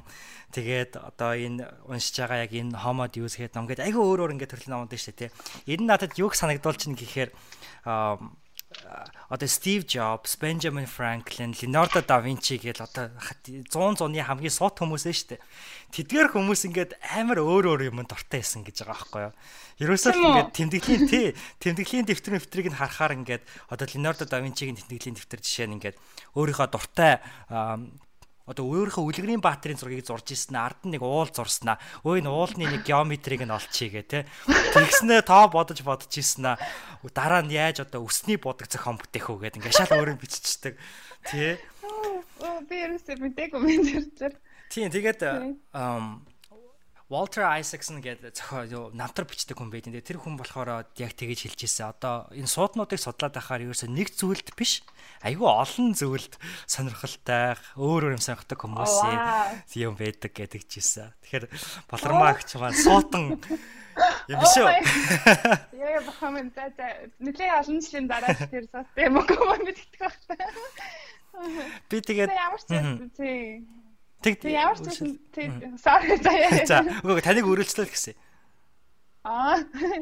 Тэг ямар ч юм тэгээд нөгөө мэдгүй би өөрийгөө ингээ хараад мэдээж над шиг олон хүмүүс зөндөл байдаг л хальта. Тэгээ яг ингээд э, юу гэдэг заримдаа ингээл нэг юм ингээд тууштай үзэхгүй байгаадаа жоохон төлбөргүй санагдал тий. Одоо нэг юмны тухай ярьж яснаа тэр ингээд бүр гүнзгий мэдэхгүй болохоор тэгээ за за би сайн мэдэхгүй юм чинь гэдэг чинь ингээ өөртөө эргэлзээ байлцдаг. Гэтэ нөгөө талаараа бодохоор ерөөсөө би юу намайг яг тухайн үед одоо гоё аз жаргалтай болгох чинь тий юу одоо намайг яг ингээд э, юу гэдэг ямар өдөр байснаас шалтгаалаад яг хэвийн байдалтай оруулж чинь хэрвээ ингээд амар стресстэй өдөр байсан бол би ямар нэгэн туртаа ямаа хийж ингээд сайхан мэдрэмж авмаар байгаа шүү дээ. Тэгэхээр зэрэг юунаас шалтгаалаад одоо хичнээн одоо яг зөвхөн одоо юу гэдэг камиказегийн тухай уншмаар байлаа ч гэсэн үгүй мөн хостой юм шиг нэг талаар харагдсан ч гэсэндээ тэгэж өөрийгөө хүчлэхгүйгээр яг ингээд дуртай ямаа хийгээл дуртай хүссэн ямаа яг хүссэн цагтаа мэдээж одоо ажлын цагаар ч юм уу биш л те яг нөгөө чөлөө цагаараа хүссэн ямаа хүссэн цагтаа хийн гэдэг маань өөрөө надад аюу их тийм гоё эрхчлөө ад жаргалыг өгдөг Тийм тийм болохоор тэгэл э, янз бүрийн намаа олж уншаал тэгэл яад тийм. Аа. Таны яг энэ хэлж байгаа зүйл олон хүнд уран зориг өгнө гэж бодож байна. Яагаад тэгэхээр өнөөдрийн нийгэм айгүй тийм штэ нэг зүйлд айгүй их мэрэгштэй тэгжээж одоо мөнгө олно ч гэдэг юм уу. Тэгжээж ажилтаа олно гэж тэгээд байдаг. Гэтэл яг үнэндээ магадгүй айгүй олон зүйлийг сонирхож судалснаар дараа нь тэр цэгүүдийг холбох тэр боломж нээгдэх юм билүү. Би тэгээд эндээс 3 дахь асуулт руугаа ормоор та хэллээ түрүүн аа ингээд номисоо орохороо ном гарчиглаад ингээд байх туртай тий та өөрөө өөрөө хэлбэл амьдралын таашаалыг тэндээс авд юм байна гэж бодлоо. Тэгэхээр өөр тийм ээ та энэ 7 хоногийн хувьд хамгийн их сэтгэл ханамж, цэнгэл баясгал, сэтгэлийн таашаал танд мэдрүүлсэн зүйл юу байсан бэ энэ 7 хоногийн хувьд? Тэгээ энэ 7 хоногийн хувьд бол тий нөгөө түрүүн хэлсэн зөндөө их баяр тэгэл бахан хайртай хүмүүс байгаа шүү дээ тий. Бүгдээрээ л аягаа гоё чухал тэгэл надад үнэхээр гоё аз жаргалыг авчирсан. А тэгтээ арай өөр урд нь яриаг юмээс бас айгүй сайхан санагдсан юм бахан бол нөгөө цаг агаар айгүй гоё исэн болохоор айгүй гоё исэн. Айгүй тийм яг нөгөө дулааханда дулаахан болсондоо гэдэг биш яг тийм нэг бороотой тийм нэг гоё тийм зөөлхөн бороотой тийм бүрхэг а нэг хэдэн өдрүүд байсан байхгүй юу? Бараг тал орчим нь. Тэг өнөөдөр ч гэсэн яг тийм байсан. Нэг гоё тийм намуухан нэхгүй тийм зөөлхөн тэгэл бүрхэг тэгэл нэг зөөлхөн бороо орсон. Тийм нэг нэг гоё өдрүүд байсан болохоор надад бас аягүй гоё яг нэг сэтгэлийн тийм тааламж таашаал өгсөн тий надаа. Тий. Аха Манай энд бас айгуу гоё өдөр байсан. Тэгээд би дэлхийн энэ тэнд байгаа найзуудаасаа өнөөдөр нэг олбогдсон хийдээсээ дандаа асууж авах цаг агаар ямар байна гэд. Тэгээ ягаад би тийж суугаад исэн бэ гэхээр нөө цагаан сараар тухайн өдрийн яг хэв шинжээс нь хамаарч дараа жилийн өнгийг үздгийн гинэ. Тэгээд тий. Тэгэхээр энэ дэлхийн энэ тэнд айгүй сайхан сайхан өдрүүд болж байгааг би сонсоход айгүй таатай байна. Энэ 2018 нохоо жил маань бидэд маш таатай жил байх болов уу гэж бодож байна. Та юу гэж бодож байна? Тэг би ч гэсэндээ айгуугаа сайхан жил байх бах тийм. Монголд сая манай хатан мав нааш нөгөө юу яс бичлэг хийгээд явуулсан байсан. Оо шинэ нэгний нар мандж байна. Тэг үнэхээр сайхан өстой ямар саад татхаргүй сайхан нар мандж байна. Өнөөдөр өглөө Монголд. Тэгэхээр энэ жилдээ ч гэсэндээ бүр 100 олнороо сайхан жил болох юм шиг байна сайхан жил болох юм байна гэл тийм мэдчилгээ явуулсан. Тэгээ би тэрийг хараад уу ямар гоё. Тэр чинь нөгөө яг явуулж чинь битүүний арайс юм чинь. Жаа өчтөрөөрэ. Тэгээд өчтөрлөө энэ манад маргааш өглөө ямар өглөө болох вэ таа гэж бодчихсон. Тэгэл өглөө басан чинь яг гоё харин за за энэ жил бол дэлхийд даяараа тий сайхан жил болох юм байна. Хүн болгонд гоё баяр баясгал сэтгэл ханамж авчирсан сайхан жил болох юм болох юм байна гэж тэг бодсон яг тийм бодлоос орж ирсэн. Аа. Болормоо агч маань өглөө өнөөдөр өглөө сэрчээд мөрөө гаргасан гэдэг жисэн те. Би тэгээд цагаан сарыг ингээд гадаадад тэмдэглэж байгаагийн нэг айгүй гоё онцлог нь юу гэх юм бол нөгөө байн одоо ингээд Америкт байхаар ингээд айгүй хнөө гадны ямар бөмбөгдүүлсээр хагаад заримдаа баг Монгол гэдгээ мартчмаарч юм шиг те. Гэтэл яг энэ цагаан сар гэдэг баяр бол тэрийг амар гоё сануулж өгдөг. Тэгээд таны хувьд одоо би бас дөрөвдүгээр асуулт руугаа энэгээрээ бас ашиглаж авах голох гад байна. Таны хувьд болохоор өнөөдрийн өглөөний одоо dig ч гэдэг юм уу рутин болохоор мөрөө гаргахаар ихлүүлсэн байна тийм ээ. Яг ингэж өглөөг ихлүүлэхэд танд ер нь ямар санагдсан бэ? Өнөөдөр өглөө бол амар гоё лээсэн. Угаасаа шинэ нэгний өглөө өчтөн одоо Монголд байхгүй байгаа ч гэсэндээ яг л адилхан монгол хүн болохоор тий. Өглөө сүдэ цагаа чанаал Яа би сүдэцээ байнга чандгүй л те. Яг үнэндээ ялуугаасаа аав ээж нар ирсэн байхад чандаг. Тэгэхээр цагаан сараар бас чандаг. Тэгэл цагаан сарын өглөө сүдэц цагаа чинаал таны хан дээжийг тавиал өглөө юу тийм мөрөө гаргаал яг энэ айгуу гоё бүх юмыг одоо ингээд яг нөр шинэ он гараад нэг сарын нэгэнд ингээд бүх юм ингээд шинээр хэлж байгаа санагдаад байдаг шүү дээ. Айгуу гоё. Яг ингээд тий. Яг тэрэн шиг ингээд ахаал нөгөө хоёр дахь боломж гарч ирж байгаа юм шиг ахаа шинээр хэлээ. Тий. Тий. Айгаа гоё эссэн. Аа. Би бас яг тийм адилхан мэдрэмж авсан. Тэгээ би жоохон дотроо яг тэгэж бодсон шүү дээ. Гадаадуудыг хараад яа бид нар ч бас азтай юм аа. Нэг хоёрхан сарын дотор хоёр удаа ингээд шинэ оны сайхан мэдрэмж авчдаг гэдэг. Тийм. Тэгэл би ажил дээр очиад бас яг ярьчихсан. Оо өнөөдөр манай шинэ жил амар гоё юм аа. Ингээ хоёр талдаа тэмдэглэж байгаа гэх. Аха. Тийм. Амар гоё шүү. Тийм. Аа. За. Тэ яхаа нөгөө цааныхаа дэж гадаа ургуул авсан хүмүүс харална юу ийгээд байгаа юм бэ? Шүү дээ. Бадсан тий. Тэгэл барныхан гадаа зогсож байгаа лэг цааныхаа дэж тариалаа. Тэгэл нэг нэг минут өргөцөл гараа буцаа дараад ирсэн л дээ. Аа. Тийм. Тэгэлхээ ахаа маш сайхан ууламжлалаа бас өөрөө тэгж мэдрэх мэдээж маш сайхан байдаг. Аа таны өнөөдрийн өглөөний дээр рутин юугаар хэллээ? Сүүгээ цацлаа өргөхөөр тийм ээ. Ер нь таны энэ 7 хоногийн хувьд тогтмол үйлдэлсэн зуршил, дэг рутин тань ер нь юу байсан бэ? Хамгийн онцлог. Ер нь таны өдөр өдрийн рутин тийм ээ ямар байдаг вэ? Дөрөвдөх асуулт маань. За би э түрүүн хэлсэн би нөгөө нэгтлэн бодогч хийдэг. Тэр болохоор яг өглөө 9-өөс 5-ын хооронд тий яг л нөгөө нормал цагаар. А тэгээд манай одоо ажлын бизнес season гэдэг нэг хамгийн завгүй эхэлсэн болохоор хагасаа өдрүүдэд бас ажилладаг болцсон байгаа. Тэгэл яг өнгөрсөн 7 хоногоос эхлүүлээд хагасаа өдрөөр ажиллаад 4 сарын сүүл хүртэл яг нөгөө завгүй үед дуусах хүртэл тэгэж ажиллана.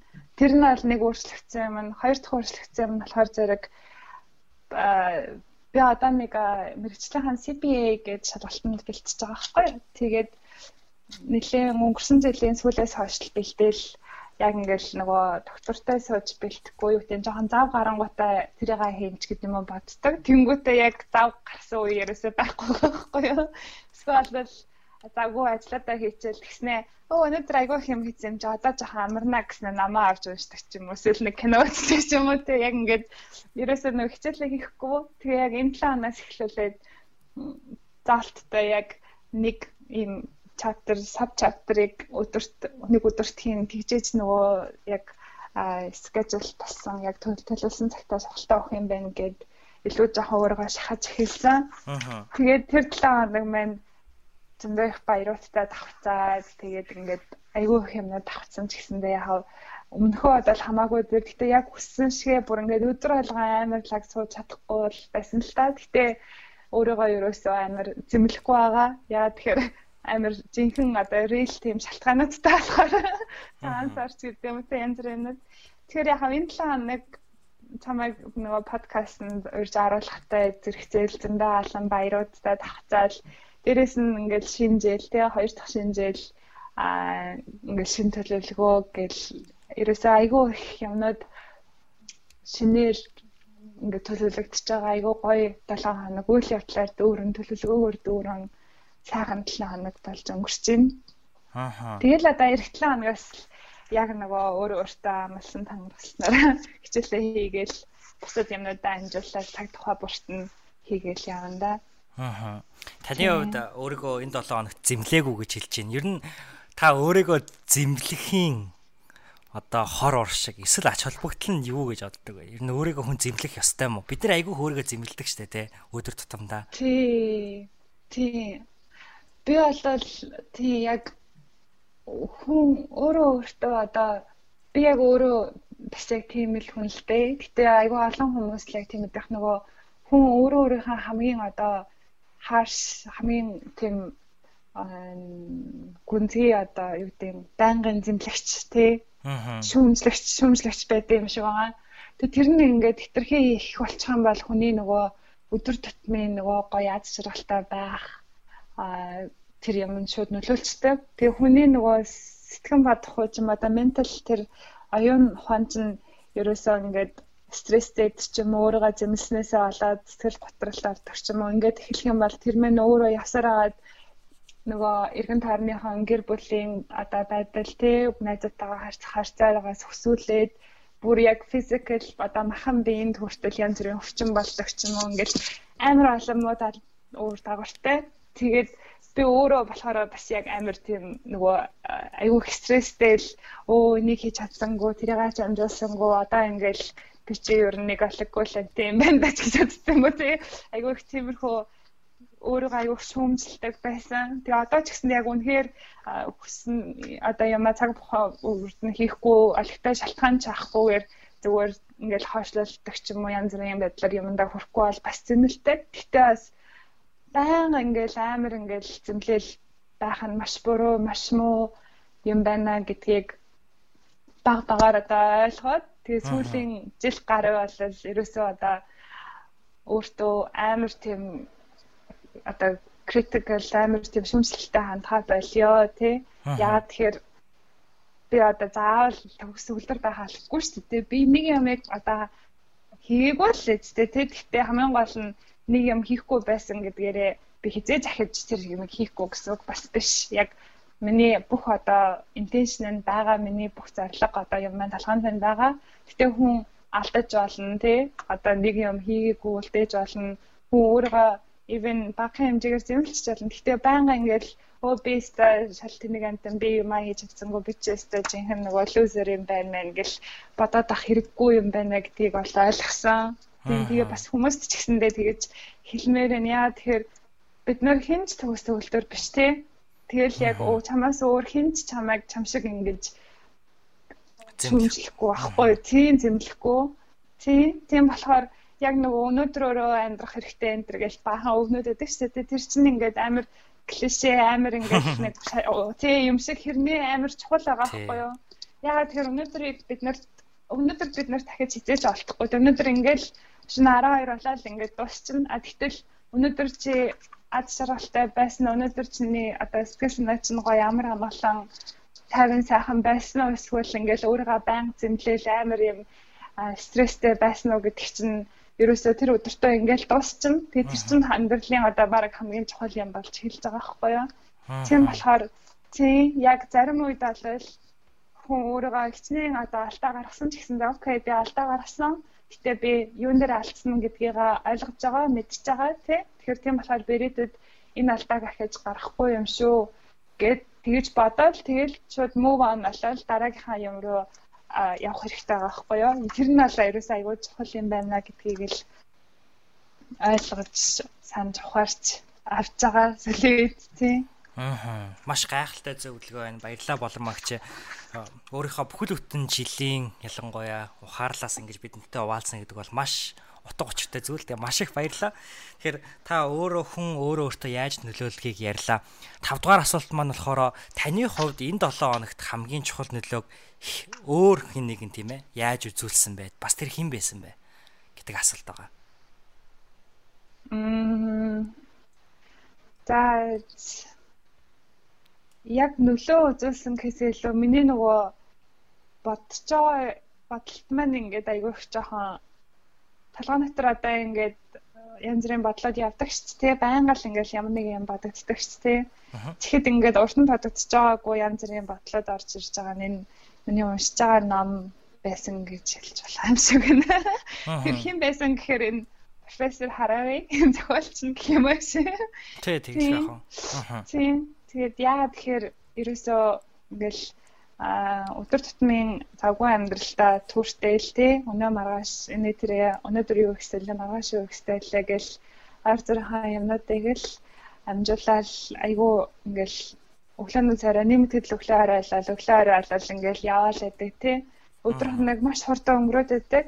Гэтэл яг яг энэ дэлхийн ертөнц маань ер нь яг хаашаа яваад байгаа юм тий яг өөрийнхөө энэ жижигхэн сайклаас гараад өөрийнхөө жижигхэн таригнаас гараад арай илүү жоохон ингээд том зураглалаар нь харах юм бол хүн төрлөختөн ер нь хаашаа яваад байгаа гэдгийг ерөнхийдөө жоохон яг энэ хүний бас буруу байж болно шүү дээ тий. Гэтэ гэтэл нөгөө бичсэн юм аягүй сонирхолтой. Тэгээд янз бүрийн тийм сонин тийм аргументуудыг тийм санаа төвчлүүд асуултуудыг энэ тавьсан байгаа хгүй номон дээр. Тэгэхээр яг тэр юмнуудыг би ингээд зүгээр юу гэдэг надад нөлөөлсөн гэх юм уу да. Тэгээд би тэр талаар бодоод яг янз бүрийн шийдэл хүрээгүй ч гэсэндээ зүгээр бичсэн уншсан юмнуудаа ингээд толгой дотроо бодоод яваад байгаа. Нэрээ тэр нь ч тийм шүү ч гэдэг юм. Эсвэл энэ нэрээ арайч тийм биш л дээ ч гэж бодсон юм уу тий. Тэгэл тийм Тэглгүй яах вэ? Тэг яхав зүгээр энэ талаар юу гэдэг би бас яг хэр ханавчтай тайлбарлаж байгаа мэдэхгүй гэхдээ зүгээр энэ талаар зүгээр сонирхож байгаа ч юм уу хүмүүсээ хам бол YouTube дээр аягүй тавчилсан янз бүрийн нөгөө ярилцлаганууд нь байлээ энэ зохиолчийн. Тэгэхээр тэднийг зүгээр яг бас үзэж болох юм. Тэр хүн юу гэж ярьж जैन тэг гол гол юмнуудыг нь ярьж лээ нэг 10 20 минутын зарим нь 40 50 минутын ч юм уу бичлэгнүүд байсан. Тэгэл би тэрийг нь заримдаа одоо машин бараа явж байхдаа ч юм уу сонсоод тэгээд яг унших юм бол доторх жишээнүүд нь бол айгүй сонирхолтой, айгүй гой гой жишээнүүдтэй, айгүй тийм нэг амар уйтгартай те тийм байдлаар бичээгүй, айгүй их өрнөлттэй, үйл явдалтай, жишээтэй, түүхтэй янз бүрийн одоо бүр улс төрөөс өсөөлөл шинжлэх ухаан тэгэл бүр дэлхийн түүхтэй холбогдоод тэгэл бүр манай одоо Central Төв Азийн жишээнүүдээс өсөлөл баруун Лондонгийн тухай гардаг ч юм уу ингээл бүр манай эртний өмнөх юмны тухай ярьдаг ч юм уу тэгээ бүр ингээд айгүй олон өргөн хүрээний мэдлэгтэй өргөн хүрээний одоо информашнтэй мэдээлэлтэй тийм хүний бодож тунгаасан юм айгүй тийм сонирхолтой ном байна. Тэгээд бас марч байгаа хүмүүс ахын бол мэдээж хэрэг авч уншиж болно те. Гэхдээ бас YouTube дээр бичлэгнүүд нь нэлээ. Үзээрэй гэж байна. За тэгэлгүй яг би нилээ сонирхож байна. Би тэгээд бас тэр YouTube бичлэгүүдийг нь олоод эсвэл болормогч манай өдөр явуулаа. Тэгээд блог пост дээрээ тавина. Тэгээ тэгээд та түрүүн хэллээ ингээд амьдралын айгүй өдөр тутмын завгүй байдал донд ингээд өөр зүйлийг энэ хүн бодогдуулсан гэдэг чинь Гэтэ асуулт 6 дахь асуулт руугаа би эндээс орох гэж байгаа. Тэгээ 6 дахь асуулт маань болохоор та өнгөрч буй 7 хоногт юунд илүү бага цагийг, юунд илүү их цагийг зарцуулсан болоосаа гэж бодож байна гэдэг асуулт байгаа. Тэгээ та түрүүн хэллээ тийм асар их ингээд day to day буюу өдөр тутмынхаа зүйлд ингээд сатаардаг те. Та одоо ингээд эргээд энэ 7 хоногоо харахад, сүүлийн 7 хоногийг харахад юу гэж бодож байна? Юунд илүү бага цагийг, юунд илүү их цагийг зарцуулсан болоосаа гэж хүсэж байна. Яг өнгөрсөн 7 хоногийн хувьд бол бараг л ерөөдөө бараг чадах бүхнээ л хийсэн юм шиг санагдаад байна шүү дээ. Яг нөгөө цагийг ашиглах байдлаараа л. А ерөн зүгээр илүү нөгөө өргөн хүрээгээр нь гэх юм бол одоо ялангуяа ингээл нэлээ олон жил болсон болохоор юм байнгын талхан дотор байдаг бодол маань болохоор аав ээж нарт аав ээжтэйгээ тий ерөөсөө лекта цагийг зарцуулж чадахгүй байна да. Аав ээжгаа гоё залуухан байгаа дээр нь ингээл хамтдаа байх юмсан ингээл айгүйх ядаж ингээл хагас бүтэн санны өглөөдөө зөвөр ингээл гоё аав ээжинд орчвол баяртай цаавд гэх юм уу яадаг ч мэдгүй зүгээр л нэг амар гоё тийм ойрхон байж чадахгүй байгаа гэдэг юм байна одоо аюултай амар тийм харамсалтай юм шиг санагддаг. Тэгэл хичнээн одоо ингээл жилдээ нэг удаа ч юм уу хоёр жилдээ нэг удаа ирдэг ч гэсэндээ ерөөсөө тэрнээс илүү л хамт байхыг хүсдэг. Аа зүгээр юун дээр арай илүү баг цаг зарцуул зарцуулсан байх юмсан гэж бодсон бэ гэвэл одоо нөгөө ингээл ажил руугаа явах, ажилласаа ирэх гээл айгуух зам юу цагийг зам дээр өнгөрөөд юм шиг надад санагддаг. Ер нь санагддаг ч биш угаасаа яг тоо. Ингээл гэлэн дохоо, хурдны зам, төвчрээ гээл те. Тэгэл тэр мэн нөгөө хүн чинь ингээл машинаа барайл зүгээр л ингээл явахгүй штэ бас яг нөгөө амар анхааралтай явахгүй болохгүй те. Тэгэл тэнгуут чинь нөгөө айгуух ядартай юм шиг. Тэгээ дээрэс нь айгуух цаг зарцуулаад зүгээр суугаад ингээл машин замаа хараад ингээл хичнээн ингээд ном ном сонсдог ч юм уу янз бүрийн ярьцлах ч юм уу эсвэл хөгжим сонсоод явах ч гэсэндээ тэр нь ерөөсөө ингээд зүгээр өөр юм хийсэндээ хизээч харцалшгүй л айгүй их цагийг л өрөөд байгаа юм шиг надад санагдаад байдаг. Аа. Тэгээ урд нь ингээд машингүй байхдаа бүр нэлен дээр одоо зөвхөн одоо даг байхдаа ч юм уу ингээд метрогоор яваал эсвэл автобусаар яваал. Хичнээн ингээд бүр илүү цагийг одоо ингээд 15 минут машинаар явдаг газрыг бараг 1 цаг явж очдөг байсан юм шиг хэрнээ. Тухайн үед явдаж тэр цагийг нөгөө яаж очиж байгаа гэдэгтээ санаа зовхгүй. Яг тухайн үед би намаа уншно юугаа ч хийдэг санджуу тэ тэртээ ямаа ингээд автосанд ч юм метрон таяга явж олж байгаа байхгүй юу тэгээ тэр нь илүү айгуу гоё тийм productive тийм үр дүнтэй цаг байсан юм шиг надад санагдаад байдیں۔ Одоо болохоор хичнээн машинаа барайл 15 минутын дотор очиж байгаа ч гэсэндээ яг тийм нөгөө сэтгэл хангалуун яг бас биш ч гэдэг юм уу. Тэгэхээр нөгөө нэг одоо энэ номон дээр бас гардаг аахгүй одоо ингээл artificial intelligence гэл нөгөө химэл оюухан мухан өөрөө залааддаг машин гэл гараад байгаа шүү дээ. Тэгэхээр магадгүй яг тиймэрхүү өөрөө залуудаг машинтай болохоор магадгүй жоохон сэтгэл хангалуун болж байгаа. Ажил руугаа ирж очихтай ч юм уу тийм. Зам дээр өнгөрөөж байгаа цагтаа. Аа таны яриг сонсож байхад надад яг юу бодогдсон бэ гэхээр штэ. Ингээ та хэллээ штэ өмнө нь нэг цаг одоо автобусаар явдаг байсан газрыг одоо машинаар 15 минут туулдаг тий.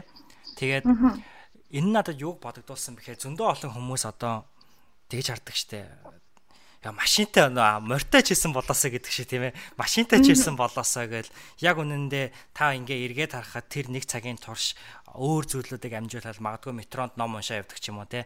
Өөр зүйлүүдийг авал тэр цаг мөчийг таашааж ийсэн бол өнөөдөр олон хүмүүс хитрхи нөгөө ирээдүйд угаасаа бий болох зүйлийг хитэх хүсэж бодсноос олж яг тэр мөчөө таашаадгүй ч юм уу.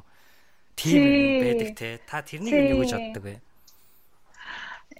яа нөгөө хүн чинь нөгөө өөрт нь байдаггүй юм а хүсдэг шүү дээ. Нэг хүний нэг аюу сонио нэг сонио муухай юм шиг зам байдаг шүү дээ.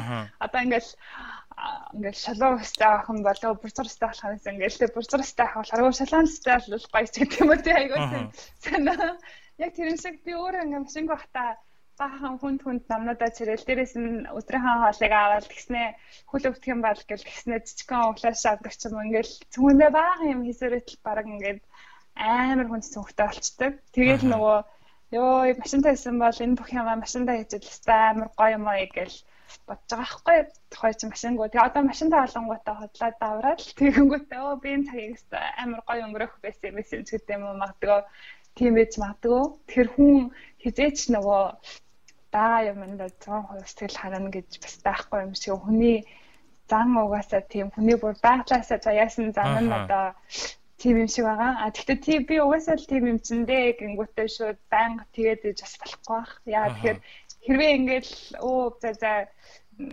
хүний nature чинь тий баглаасаа юм юм чинь гээд одоо орчихсан бол хүн айгүйх хугацааг сэл хангалуун биш өнгөрөх болчихж байгаа байхгүй. Тэгэхээр аль болохоор чадаач нэгээрээ байнга байгаа юмдаа сэтгэл хангалуун гэтээ үргэлж илүү ихийг тэг илүү их сайн сайхныг илүү их гоё яд жаргалыг илүү их одоо үр бүтээлтэй амьдралыг илүү их гоё сайхан тийм сэтгэлийг олж авахын тулд тэг илүү их сайхан мэдрэмжийг бусад хүмүүст өгөхийн тулд ч гэдэг юм уу тийм илүү сайхан юм руу байнга л тэмүүлж авах хэрэгтэй. Шууд ингээл за за гэж хайчихгүй тий. Гэтэ яг юмдаа сэтгэл хангалуун хангалуун биш байна гэдэг нь яг нэг хүний ч юм уу буруу биш яг зүгээр л тэр бол яг хүн л угаасаа л тийм. Гэтэ ургалж сайн сайхныг л сайн сайхны төлөө тэмүүлж заалах хэвээр гэж боддог. Аа тэгэлгүй яг маш гоё захиасан болмагч та биднэрт энийг захилаа. А долоод хасуулт маань болохоор тэгвэл та өөртөө дараа 7 хоногийн өөртөө юу гэж захих вэ гэдэг асуулт байгаа. Дараа 7 хоногийн өөртөө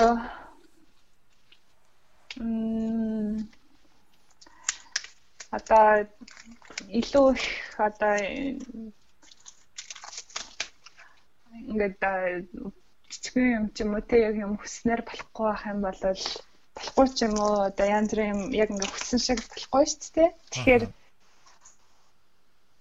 тэрийг аль болох одоо юу гэдэг нөгөө болохтаа л юу гэдэг зөвхөн одоо ингээд яг багнахандаа бол өөрийгөө яг яг миний дөнгөж сайн ярьсан юмтай холбоотой юм л та. Өөрийгөө л амар критик хийгээд байдаг, өөрийгөө амар шүмжлээд байдаг. Тэгэхээр аль болох тихгүйгээр аль болох л ингээл фокустай олон юм руу өсчихгүйгээр яг ингээд фокустай яг төлөвлөгөөнийхөө дагуу л ажилласаа л гэж одоо хүсэж байна. Би одоо өөрөө өөртөө хүсэх юм нь бол баахан хичээлээ хийн, баахан ямаа хийн, прожектнуудаа явуул намжлуулна гэл нөгөө төдөлөстэн дээрээ биччихсэн. А тэгтээ аль болох өөрийгөө нөгөө overwhelm болгоод тэ стресс болохгүй. Тэгтээ яг энэ 7 хоног бас төлөвсөн хэрнээсээ яг тэрэндээ сайн хурц чадаагүй тийм болохоор их 7 хоногт илүү сайн байх байхын төлөө л одоо сайн хичээж ажиллана, хичээж сайн амьдрна. Аа. Тэгжэл ад чинь да өөртөө захих юм нь. Аа. Болормоо агчтай өнөөдөр ярилцаа сууж хахад би танаас хамгийн их мэдэрсэн зүйл нь юу байсан бэ гэхээр нэвтрүүлгийнхаа ихэнд ч бас хэлж исэн.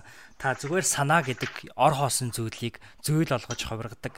Тэр утгаараа би таныг бүтээгч буюу магадгүй англи хэлээр одоо хэлвэл entrepreneur гэж хэлмээр надад санагддаг гэж хэлж исэн таны хувьд бол энэ 7 хоног асар бас эд шидийн гимээр 7 хоног өнгөрлөө тийм ээ өнөөдөр хоёулаа бас ярьж гин монголчууд бид нар ингээ хоёр дахь шинэ жилээ ингээ тэмдэглээд явж гин гэдэг.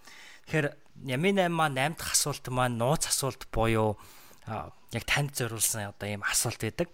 Би тэгээд энэхүү асуултаараа танд танаас би юу гэж асуухыг хүссэн бэ гэхээр та түрүүн хэлж исэн одоо яг хүн бол өөрийнхөө хамгийн том шүүмжлэгч тийм ээ.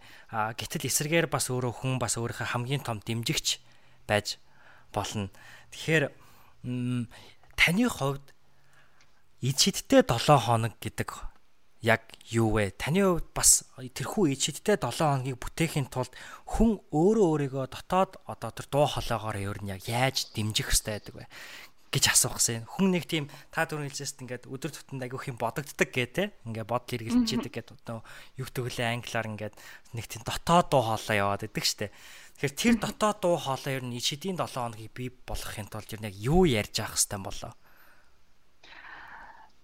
Мм ичидийн 7 хоног гэдэг нь айгу гоё л үг байна л да. Гэтэ яг нөгөө талаараа ямар нэгэн ямыг ид шидтэй ч гэдэг юм уу бас яг ид шидтэй гэдэг чинь аюу тийм сайхан гэдэг утгаараа байгаа шүү дээ тий. Тэгэхээр сайхан 7 хоног би болохын тулд хүн хамгийн түрүүнд яг нөгөө оюун ухаанаараа амар амгалан тийм яг тийм яг юм гонхтой ч биш амар баяртай ч биш яг юм гоё нормал тий амар амгалан юм хэвийн тийм нэг гоё гүнзгий амьс хаарсан юм шиг тийм өөжөө өөжим тийм байхыг хэлэх юм болоо гэж би бодож байна. А тэгээд тийм байхын тулд а түрүүний чанарчны сайн хэлсэн тэгээ өөр өөрөөгөө амар их шөмжлөд байж болохгүй. А тэгтээ өөрийгөө бас аягүй сайн дэмждэг байх хэрэгтэй.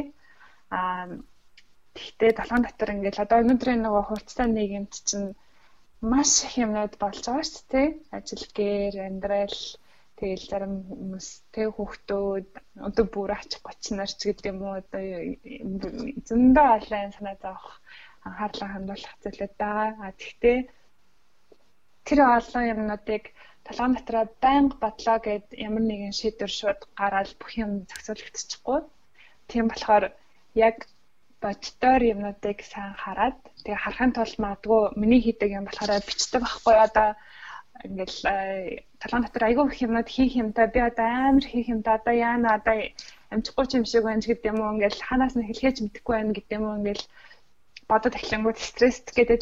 Тэгэхээр би ингээд хийх юмнуудаа бүдэрингээ жагсаажчихж жаад тэгээд аль нь хамгийн түрүүнд бүр зайлшгүй хийх хэрэгтэй вэ те? Бүр үнэхээр хийхгүй л болохгүй. Гэхдээ тэрний яг одоо нэг цагийн дотор ч юм уу эсвэл маргааш өглөөний дотор аль нь хийх хэрэгтэй вэ гэдгийг тодорхойлоод. Тэгээд бусад юмнуудын тухай айл болох бодохгүй боддог аахгүй одоо ерөөсөө тэр юм хийж явахдаа зөвхөн тэрийг аль хийн өөр юм ерөөсөө бодохгүй. Гэтэ мэдээж тэр бол э, заримдаа бүтдэг л те. Гэтэ тэрхийг хичээгээл. Тэгээд ядаж ингээд биччихэнгүүт толгой ингээд айгуу гоё ингээд зайтай болцсон юм шиг санагдаад байнга ингээд санаа зовоод тахгүй ядаж би ядчил дор хаяж би өөрөө өөрийнхөө юу хийх ёстой байгаа мэдчихээн гэдэг тийм confidence тийм өөртөө ихтэй болцлоо гэх юм уу толгойн доторх юмнууд ингээд зэгцэрчдэг. Аа тэгэнгүүтээ нөгөө хамгийн эхнээс нь эхлээл ингээл хийгээл хийгээл явхад чинь нөгөө тийм нэг аюу гой шин тийм нэрч хүч авсан юм шиг санагддаг аахгүй юу. Тэгээд эхлэнгүүт нөгөө одоо яг ментал тийм аюу ухааны тийм амар амгалан байдал руу шилжиж ордог гэх юм уу. Тэгээд өдөр алган хичнээн стрессфул үе байсан ч гэсэндээ аль болох буцаад тэр өөрийнхөө тэр одоо яг тэр хэвийн одоо ментал тэр байдалтай буцаж очиод ингээл явах юм бол тэр маань одоо ичдтэй 7 хоног биш ичдтэй сар жил те магадгүй амьдралч байж болох юм байна гэж би бодоод яваад байгаа. Аа. Тийм маш гоё practical буюу одоо шууд нэг дэвтрээ ч юм уу аваад хэрэгжүүлж болох боломжтой team зөвлөгөө байна. Тэрэнд маш их баярлж байна. Таны хувьд бичдэг хэлээд бичихтэй та яг одоо компьютер дээр бичдэг үү эсвэл цаасан дээр бичдэг үү? Ер нь юуг нь илүүд үздэг вэ? Яаж тэмдэглэлээ хөтэлдэг вэ? Би болохоор дандаа гараараа ачдаг. Яг тэр нөгөө хувийнхаа юмнуудыг төлөвлөгөөнүүдийг аа яг нөгөө одоо багаар ажиллаж байгаа ч юм уу те ландуугийн ч юм уу өөр бусад бизнес янз бүрийн багаар ажиллаж байгаа юмнууд хам болол компьютер дээр мэдээж бусад багийнхаа маань шууд харах болохоор а яг хувийнхаа юмнуудыг бол Тэгээ гараар очих тартай. Яагаад ч тийм гараар очихээр яг толгойн дотор илүү үлдээд байгаа юм шиг санагдаад идэв. Тэгээд ингээд нөгөө чи ч бас тэгдэл хальтаа айгаа олон хүмүүс тэгдэж нөгөө юмаа хийчихэд ингээд чеклэх амар дуртай.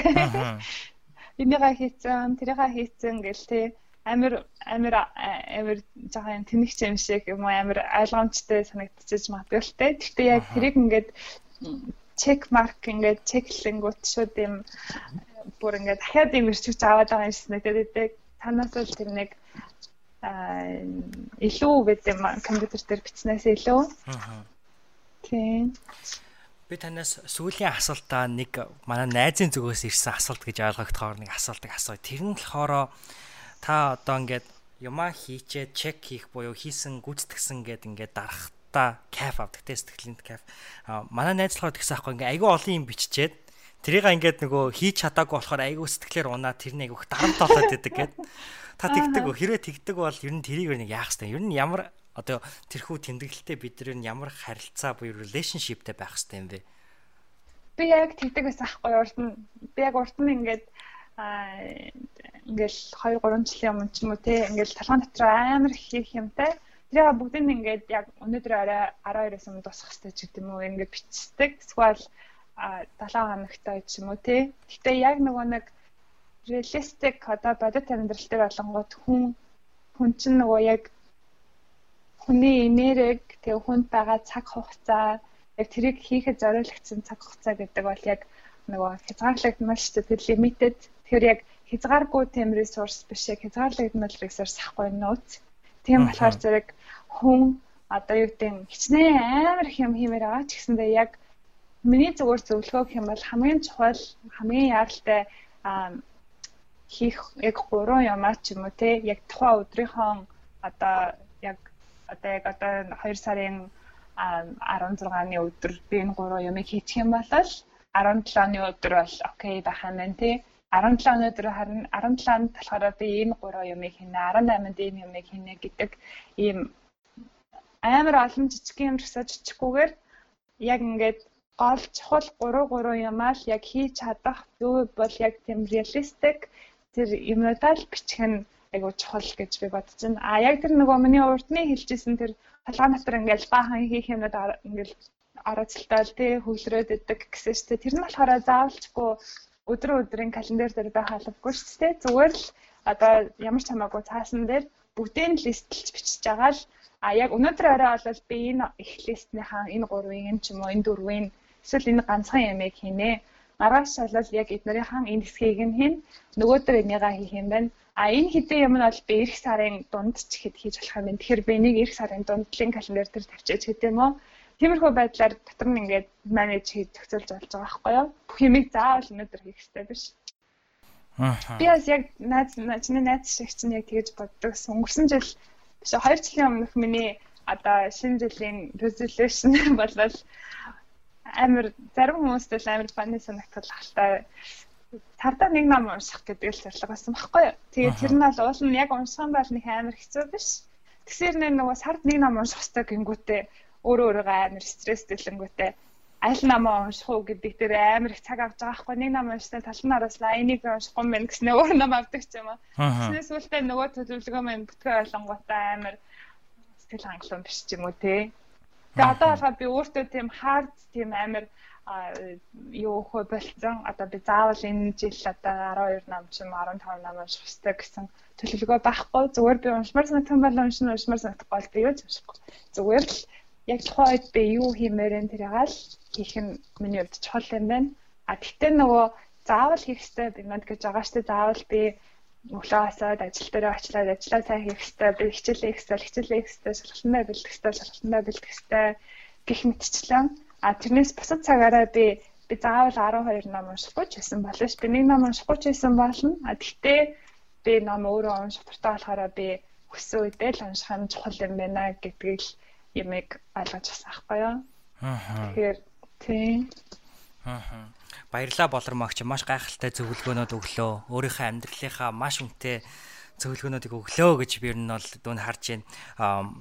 Өнөөдөр тантай ярилцаад суух нэрэ болормогч маш сайхан байла.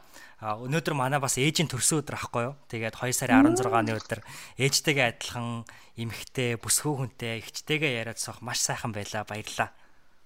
За маш их баярлалаа. Тийм надад чамтай ч гэсэндээ ярилцах нь хэр сайхан байлаа. Тэгээд тийм миний ярьсан өчүүхэн тэгээд одоо зөвлөгөө гэх юм уу туршлагаас бас нэг ч гэсэндээ хүнд одоо тус тийм тодорхой хэмжээний эерэг нөлөө үзүүлэх юм бол би бас их баяртай байх болноо. Аа. Танд маш их баярлалаа. Тэгээ танда одоо энэхүү гарч буй нохоо жилийн тийм ээ мэндийг хүргэе. Тэгээ энэ ондоо та улам их амжилтын эзэн болж улам ад жаргалтай сэтгэл тэнүүн амар амгалан байгаарэ. За баярлалаа. Чамд ч ихсэн. Тэгээ чамд болоод бас нийт одоо сонсож байгаа залуучуудаа нийт хүмүүстэй ирж буй нохой жилдээ илгээрээ инх амгалан төрлөөрөө төвшин амгалан эрүүлэнх аз жаргалаар дүүрэн сайхан байхыг хүрөөё. Маш их баярлалаа. Ерөөл Батар шгэ баярлалаа. Баяртай. За баяртай.